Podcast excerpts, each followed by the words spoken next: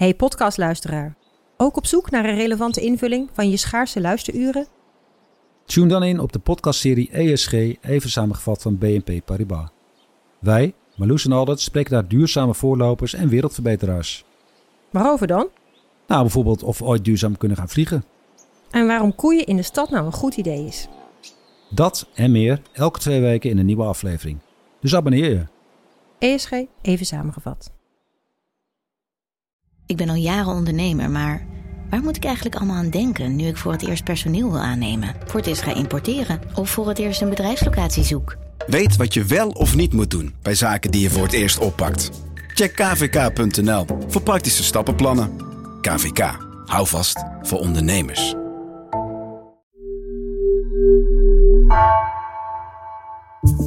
Vanaf de redactie van NRC het verhaal van vandaag. Mijn naam is Egbert Kalsen.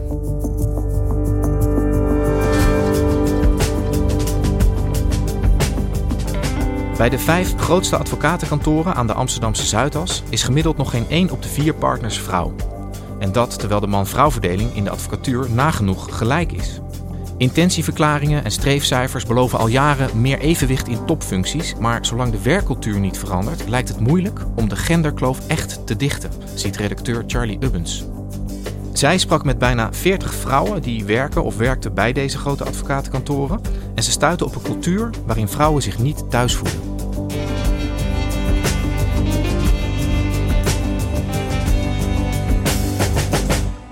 Charlie, jij bent eh, de afgelopen maanden op onderzoek gegaan bij de grote advocaatkantoren aan de Zuidas. Waarom ben je dat gaan doen? Op 1 januari 2022 is de wet ingroeiquotum en streefcijfers ingevoerd als advies van de Sociaal-Economische Raad. En deze wet moet er eigenlijk voor zorgen dat er een betere man-vrouw verdeling is in het bedrijfsleven. En daaronder vallen de vijf grootste Nederlandse advocatenkantoren. En wat schijnend is, is dat bij deze kantoren maar één op de vier partners vrouw is. Dat terwijl er eigenlijk in de onderlagen heel veel vrouwen zijn. Als je naar de cijfers kijkt, zie je dat er in 2021 uh, ruim 45% van alle advocaten bij de grootste 50 kantoren vrouw is. Wie ook naar de studies kijkt, de rechtenstudies, ziet dat daar meer vrouwen dan mannen zijn. Uh, volgens mij ligt dat aandeel nu op 60 tegenover 40 procent. Um, en wat we dus eigenlijk zien is dat het ergens in een piramide fout gaat. Er zijn weinig vrouwelijke partners, dat zijn mede-eigenaars van het kantoor. Er zijn heel veel vrouwelijke advocaat-stagiairs, zoals je dat dan noemt. Dus ik vroeg mij af, wat gaat er mis in de piramide? En we hebben het over de grote advocatenkantoren aan de Zuidas. Over welke namen hebben we het dan? Die kantoren zijn De Brouw, Blackstone, Westbroek, Loyens en Loef, Stibbe, Nauter Tiel en Houthof. Uh, deze kantoren bevinden zich in nog geen straal van drie kilometer bij elkaar in het Amsterdamse zakendistrict, ook wel bekend als de Zuidas. En je zou deze kantoren kunnen kennen uh, als bijvoorbeeld Houthof, het, uh, het Kremlin-kantoor. Die hebben tot voor kort de Russische staat verdedigd. De Brouw die stond Shell recent nog bij, bij een grote klimaatzaak. En Loyens en Loef heeft voor AstraZeneca, het, het vaccinmerk, um, geprocedeerd tegen de Europese Commissie. Dit zijn echt ontzettend grote kantoren. Um, in totaal werken er zo'n 1300 advocaten en dat is voor advocatenkantoren echt heel veel. En ook die, die grote advocatenkantoren die hebben dus te maken met die wet ingroeiquotum en streefcijfers, zoals jij zei. Wat staat er precies in die wet? Wat houdt dat in? Deze wet is een voortvloeisel uit een advies van de Sociaal-Economische Raad, de SER, die in 2019 al gepresenteerd is aan het, uh, aan het kabinet. En zoals dit advies ook luidt, um, Nederland heeft in vergelijking met andere landen in Europa heel weinig vrouwen in managementfuncties. En dat is een gemis voor de Nederlandse economie en voor de samenleving, omdat weinig genderdiversiteit in managementfuncties ook veel potentieel verloren gaat. Deze wet is tweeledig. Aan de ene kant uh, uh, geldt echt de wet, de regel dat beursgenoteerde bedrijven in hun raad van commissarissen voor een derde uit vrouwen moeten bestaan. En het tweede deel van deze wet is gericht op grote vennootschappen, waar we er ruim 5000 van in Nederland hebben. Wat dat kortom betekent, is dat zij verplicht worden om met plannen te komen om meer genderdiversiteit in de top te bevorderen.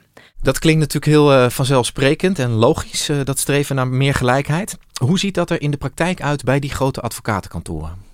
Wat belangrijk is om toe te voegen, is dat het streven naar meer gendergelijkheid in de top van de advocatuur niet geheel nieuw is. Um, bijna 15 jaar geleden hebben deze kantoren al een zogeheten intentieverklaring getekend. Met als doel om meer mannen en vrouwen gelijk in de top te hebben. Um, wat je eigenlijk ziet, is dat ten opzichte van toen er wel enige groei is. Um, in 2008 was het aandeel vrouwelijke partners bij deze vijf kantoren bijvoorbeeld niet hoger dan 16%. En nu ligt dat al rond de 20%. Dus we kunnen wel spreken van groei. Um, maar als je kijkt naar 15 jaar geleden en nu is dat natuurlijk niet een groei om heel trots op te zijn. Um, en als je naar de cultuur kijkt, is dat wellicht te verklaren. In 2010 schreef schrijverscollectief Zo Zuidas, waarvan de schrijvers uh, twee advocaten zijn, al over deze uh, uh, wereld. En wat je eigenlijk daarin las en wat je nu ook ziet, is dat die cultuur vrij hardnekkig is. Um, zij spraken in 2010 al over een macho-cultuur, uh, discriminatie, uh, overwerk. Dat was allemaal onderdeel van die wereld. En uit mijn onderzoek blijkt dat dat eigenlijk nog steeds het geval is. Charlie, die uh, advocatenkantoren, dat zijn vaak uh, gesloten bolwerken die liever niet al te veel naar buiten brengen. Zeker niet over uh, hoe het bij hun intern eraan toe gaat. Hoe ben jij te werk gegaan? Wat heb jij gedaan? Op een zondagavond in januari heb ik 250 advocaten en oud-advocaten een bericht gestuurd via de mail of via LinkedIn met de vraag of ze met mij in gesprek wilden over hun werk, de werkcultuur, um, hun ambities en over het kantoor waar ze werken. Van die 250 vrouwen zijn er uiteindelijk bijna 40, namelijk 38 vrouwen met mij in gesprek gegaan. Bovenal zijn het allemaal hele hoogopgeleide vrouwen, um, heel ambitieus allemaal ook wel. Maar wat interessant was om te zien, is dat zij aan de ene kant heel blij zijn met hun werkgever en met hun werk, maar toch ook wel aanduiden dat er veel moet veranderen. Het zijn allemaal hele jonge vrouwen, meestal eind 20, begin 30. En je ziet dat zij allemaal, bijna alle 30 van de huidige advocaten, en dan daarbij opgeteld de acht vrouwen die de advocatuur verlaten hebben, toch wel bij dezelfde thema's komen. En aan wat voor thema's uh, moet ik dan denken? Waar, waar lopen zij tegenaan? Wat misschien eerst belangrijk is om te zeggen, is dat we het hier niet hebben over grote schandalen, maar echt over een sluimerende werkcultuur. Maar één belangrijk thema die toch wel in veel gesprekken naar voren kwam, was echt het thema van een mannencultuur. De mannenwereld. Dat woord namen de vrouwen ook uh, vooral veel zelf in de mond. Um, en uit mijn onderzoek blijkt wel dat driekwart van de jonge vrouwelijke advocaten spreekt van een cultuur waarbij tussen aanhalingstekens mannelijke eigenschappen domineren, zoals zij dat zelf noemen. Ze spreken veelal van mannelijke en vrouwelijke eigenschappen. En eigenschappen die zij als mannelijk bestempelen zijn bijvoorbeeld uh, besluitvaardig, uh, zelfvertrouwen, assertiviteit en directheid. En eigenschappen als zorgzaam, uh, bescheidenheid en kwetsbaarheid zouden dan behoren tot vrouwelijke eigenschappen volgens deze, deze advocaten. Wat daaruit bleek is dat veel vrouwen toch wel denken dat je in de advocatuur um, beter kan doorstromen als je meer mannelijke eigenschappen hebt. Want als vrouw ben je toch al snel emotioneel uh, of je bent drama, zoals een paar vrouwen dat noemden. En die proberen daar eigenlijk ver van weg te blijven. Um, aan de andere kant zijn er ook vrouwen die aangeven dat als je jong en enthousiast bent en je bent ambitieus en je hebt het naar je zin op de werkvloer, dat je dan ook weer weg kan worden gezet als een huppelkutje, zoals een paar vrouwen dat noemden. Um, maar daartegenover staat ook weer dat wanneer je als vrouw te hard bent of te direct, dus dan spreek je van die mannelijke eigenschappen tussen aanhalingstekens, dan ben je al snel een bitch. Dus kort gezegd kregen die vrouwen ook wel het gevoel dat ze het überhaupt niet goed konden ja, doen. Ja, of te zacht of te hard en allebei niet uh, gewaardeerd, zeg maar. Precies. Ja. En, en hebben zij uh, aan jou verteld um, hoe dat zich zeg maar, in de praktijk uit? Tegen wat voor, uh, wat voor voorbeelden zeg maar, lopen zij aan waar, waaruit zij concluderen dat zij als vrouw niet helemaal voor vol worden aangezien? Absoluut, er zijn zeker veel schrijnende voorbeelden waaruit die mannencultuur toch wel heel erg blijkt. Um, er was één uh, advocaat die aangaf dat er een, uh, een, mannelijke sollicitant langskwam. En die drukte zijn jas uh, in haar hand en vroeg om een kop koffie. Denkende dat zij de, de secretaris of receptioniste was. En toen ze uiteindelijk een paar minuten later tegenover hem zat in de sollicitatie, schaamde deze man zich natuurlijk kapot. Maar er zijn ook mannelijke cliënten die vrouwen niet aankijken tijdens vergaderingen of hen inderdaad aanzien voor secretaresses of receptionistes. En je ziet daarom ook dat sommige vrouwen heel bewust niet koffie of thee gaan schenken om zichzelf maar niet in die positie te zetten. Ja, ja dus ze doen echt actief hun best om, om niet, uh, niet het verkeerde beeld op te roepen, zou je kunnen zeggen. Precies. En andere vrouwen praten bijvoorbeeld uh, over een door mannen gedomineerde cultuur uh, bij lunches of bij borrels. daar zal het veel gaan over sport en voetbal. En ik zeg niet dat vrouwen daar niet over mee kunnen praten. Integendeel zelfs. um, maar de vrouwen die ik heb gesproken geven toch wel aan dat ze zich dan al snel buitengesloten voelen. Omdat zij daar niet goed mee, over mee kunnen praten. Eén vrouw vertelde ook tijdens ons gesprek dat zij niet is aangenomen bij de plek waar zij stage liep, omdat ze niet goed zou passen binnen het team. Uh, inhoudelijk leverde zij heel goed werk, dat kreeg ze ook te horen. Maar wat ze zag is dat haar team voornamelijk uit mannen bestond en tijdens de lunchen dan ook voornamelijk ging over tussen aanhalingstekens mannenonderwerpen, waar zij niet goed over kon praten met hen. Een ander voorbeeld dat heel mooi deze genderongelijkheid weergeeft, is een voorbeeld bij de Brouw Blackstone Westbroek. Uh, daar ontdekten ze afgelopen jaar in 2021 dat vrouwen die aankondigen zwanger te zijn, automatisch uh, via de HR-systemen een parttime policy toegestuurd kreeg. Terwijl mannen die aankondigden vader te worden, dit niet kregen.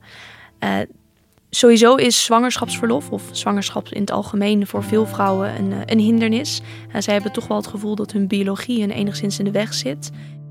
Als partner is het namelijk zo dat je onwijs veel vlieguren moet maken. Uh, je moet een eigen praktijk oprichten. Je hebt een eigen portefeuille nodig met, met cliënten. En dat kan alleen door heel veel uren in je werk te stoppen. Het is namelijk zo geregeld in Nederland dat vrouwen 16 weken verlof hebben. Mannen daarentegen hebben 5 weken verlof. En dat is ook niet verplicht. En als vrouw moet je wel met verlof, want je moet een kind paren. Um, bij mannen hoeft dat niet. En veel vrouwen vinden ook, zodra we dat verplichten en gelijk trekken, zorgen er ook voor dat vrouwen niet door die zwangerschap uh, minder kansen hebben op doorgroeien binnen een kantoor. Heb je, hebben die vrouwen het idee dat er uh, bij de kantoren waar zij werken genoeg bewustzijn is dat dit op de werkvloer zo gaat? Het woord bewustzijn is heel veel teruggekomen in de gesprekken. Bijna alle vrouwen spreken van het feit dat bewustzijn er zeker is. Maar het gaat er natuurlijk ook om of bewustzijn genoeg is. Uh, alle kantoren richten zich wel op initiatieven die genderdiversiteit moeten bevorderen. Um, zo werken meerdere kantoren met een fly-on-the-wall principe. Dat is eigenlijk een onderzoeksmethode waardoor je een externe of een partner van een andere afdeling bij bijvoorbeeld beoordelingsgesprekken zet om te kijken of daar geen uh, gendervooroordelen uh, de boventoon voeren. Ja. Wat je ook ziet is dat kantoren zich richten op de jonge vrouwen zelf en niet op het grotere geheel. Uh, denk daarbij aan Women in the Lead workshops of Ladies Dinners. Dat zijn initiatieven die in het leven zijn geroepen om een samenhorigheid onder de vrouwen op een kantoor te vergroten. Uh, of om vrouwen bewust te maken van hun positie in een wellicht door mannen gedomineerde cultuur. Ja, dat, dat, daar zou je van kunnen denken dat dat goed is, maar het is niet inclusief. Hè? Het, ik bedoel, als je de vrouwen apart blijft zetten in dit hele verhaal, dan werk je uiteindelijk ook niet naar één gemeenschappelijke werkvloer. Precies, precies. En dat is ook wat veel vrouwen zeggen.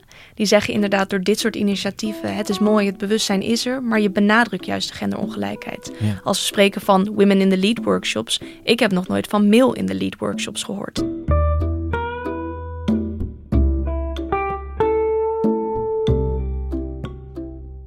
In het uh, kader van uh, het journalistieke principe van hoor en wederhoor heb jij uh, de bevindingen van jouw onderzoek ook, ook voorgelegd aan de, aan de vijf advocatenkantoren. Wat waren hun reacties? Op stibben na hebben alle kantoren gereageerd. De Brouw Blackstone Westbroek gaf heel mooi aan dat ze trots zijn op hun werknemers. Zij vinden het goed dat zij zich uitspreken. Um, daartegenover staan wel dat Loyens en Loef en bijvoorbeeld Nauta Ditiel zich niet herkennen in het geschetste beeld van het artikel. En ook schrikken van de schijnende voorbeelden die daarin staan. Uh, alle kantoren geven in een reactie wel weer dat ze heel erg bezig zijn met genderdiversiteit en inclusiviteit in, in zijn geheel. Ja, en, en dan ook voor het werven van vrouwen voor de hogere functies bij zo'n uh, uh, zo'n kantoor? Daar zijn niet heel veel reacties over gekomen. Wel geven ze aan dat ze ermee bezig zijn en dat ze dat ook een wezenlijk probleem vinden. Dat er niet genoeg vrouwen in die partnergroepen zijn. Ja, Want dat is natuurlijk best lastig. Hè? Jouw, jouw artikel en ook uh, het gesprek hier in de podcast laat heel duidelijk zien wat het probleem eigenlijk is op de werkvloer. En tegelijkertijd kunnen wij hier ook niet vaststellen uh, dat een vrouw om deze reden niet benoemd wordt als partner. Al was het maar omdat een heleboel vrouwen überhaupt dat niet ambiëren door de hele cultuur die er zit, toch? Precies. Je ziet heel erg dat een eventueel antwoord op de onderzoeksvraag: hoe komt het dat er geen vrouwen in de partnergroepen zitten, heel breed is. Uh, in Nederland heerst er een discussie dat vrouwen misschien andere keuzes maken dan mannen. En daarin zie je toch wel dat er veel hindernissen zijn die ervoor zorgen dat deze jonge vrouwen misschien geen lange carrière zien bij deze kantoren. Uh, wat ook wel veel naar voren is gekomen en wat veel van deze advocaten aan mij hebben verteld, is dat verandering echt bij de partners moet liggen. Uh, de partners zitten in een ivoren toren, dat zijn hun woorden. Veel van hen zien het belang van verandering niet. Uh, wel zijn er kantoorbreed veel workshops en presentaties. En die zijn ook voor partners toegankelijk. Maar zoals een advocaat het al mooi zei, het probleem ligt niet bij de partners die die workshops of presentaties met plezier bijwonen. Nee, het gaat juist om de mensen die, uh, die zich daar blind en doof voor houden natuurlijk. Precies. Ja.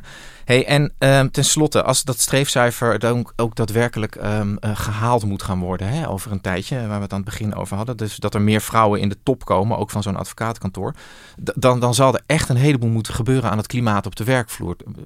Hoe, hoe kijk jij daar tegenaan? Absoluut. Um, ik denk daarbij dat je zo sterk bent als je zwakste schakel. Het is voor zowel mannen bij die kantoren belangrijk dat zij openstaan voor de geluiden van vrouwen. Het is belangrijk voor oudere generaties dat zij openstaan voor de geluiden van jongere generaties. En dat je met elkaar in gesprek blijft daarover. Zoals één advocaat het ook mooi zegt: zonder dialoog geen cultuurverandering. En ik denk dat dat het belangrijkste is. Charlie, dankjewel. Dankjewel.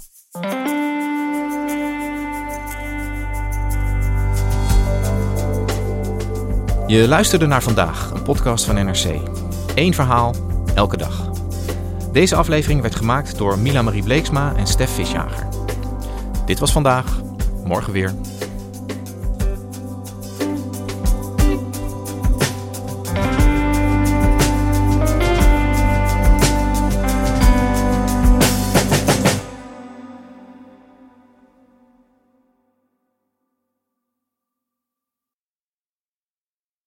Voorkom dat je vermogen verdampt op je bankrekening.